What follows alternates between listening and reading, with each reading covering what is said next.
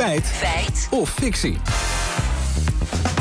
En Lieke, we checken slaap. Ja, klopt. Want Beter Bed beweert dat 1 op de 5 ernstige auto-ongelukken wordt veroorzaakt door een slaaptekort. Het zou in het verkeer zelfs net zo'n grote boosdoener zijn als alcohol. Dat is best veel. Ja, En wij dachten ja. zoveel. Dat kan, eh, ja, klopt dat?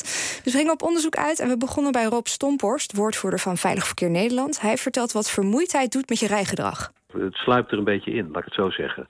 Eh, het, het, het, het, het sluimert, het sluipt en ineens ben je gewoon even weg. Terwijl je bezig bent met eh, autorijden. En dat kan eventjes zijn, dat kan een momentje zijn, maar dat, dat moet je in het verkeer natuurlijk absoluut niet hebben. Nou, dat is wel duidelijk hoe gevaarlijk dat is. Maar is slaaptekort dan ook de oorzaak van 1 op de 5 ongelukken? Dat legden we voor aan verkeerspsycholoog Gerard Tertolen. Dat lijkt me nogal een hele precieze schatting, die volgens mij heel moeilijk eh, vast te stellen is.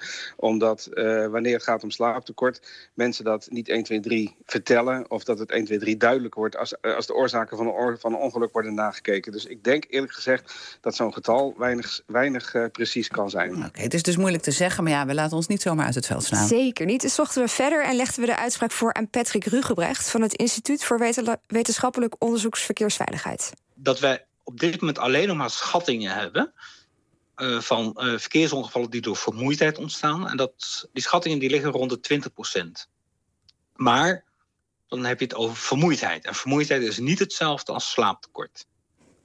Ja, en het gaat, dit- die cijfers gaan niet alleen over alle verkeersongelukken. En Beter Bed beweerde dat het vooral om de ernstige verkeersongelukken gaat. Ja, maar is er dan iemand die dit wel weet? We kwamen uit bij Marjan Hagenzieker, hoogleraar verkeersveiligheid van de TU in Delft. Ik snap waar die stelling vandaan komt. Er is veel onderzoek gedaan naar de relatie tussen vermoeidheid en ook slaaptekort en de verkeersveiligheid.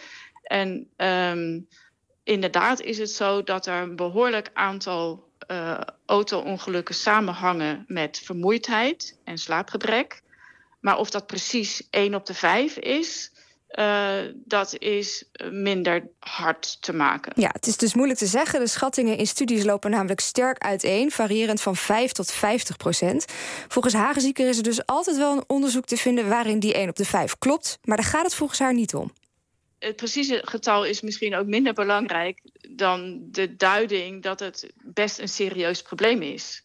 Dat mensen door vermoeidheid, al dan niet door slaaptekort, minder goed autorijden en daardoor ernstige ongevallen kunnen krijgen. Dat is dus een serieus probleem. Ongeacht of dat nou 10, 20 of 30 procent van de ongevallen betreft. Nou, slaaptekort speelt dus een rol, maar moeten we dan allemaal aan een eh, heel goed bed? Nou, dat zou natuurlijk voor Beter Bed fantastisch zijn, maar dat is niet per se het geval, legt verkeerspsycholoog Tertolen uit.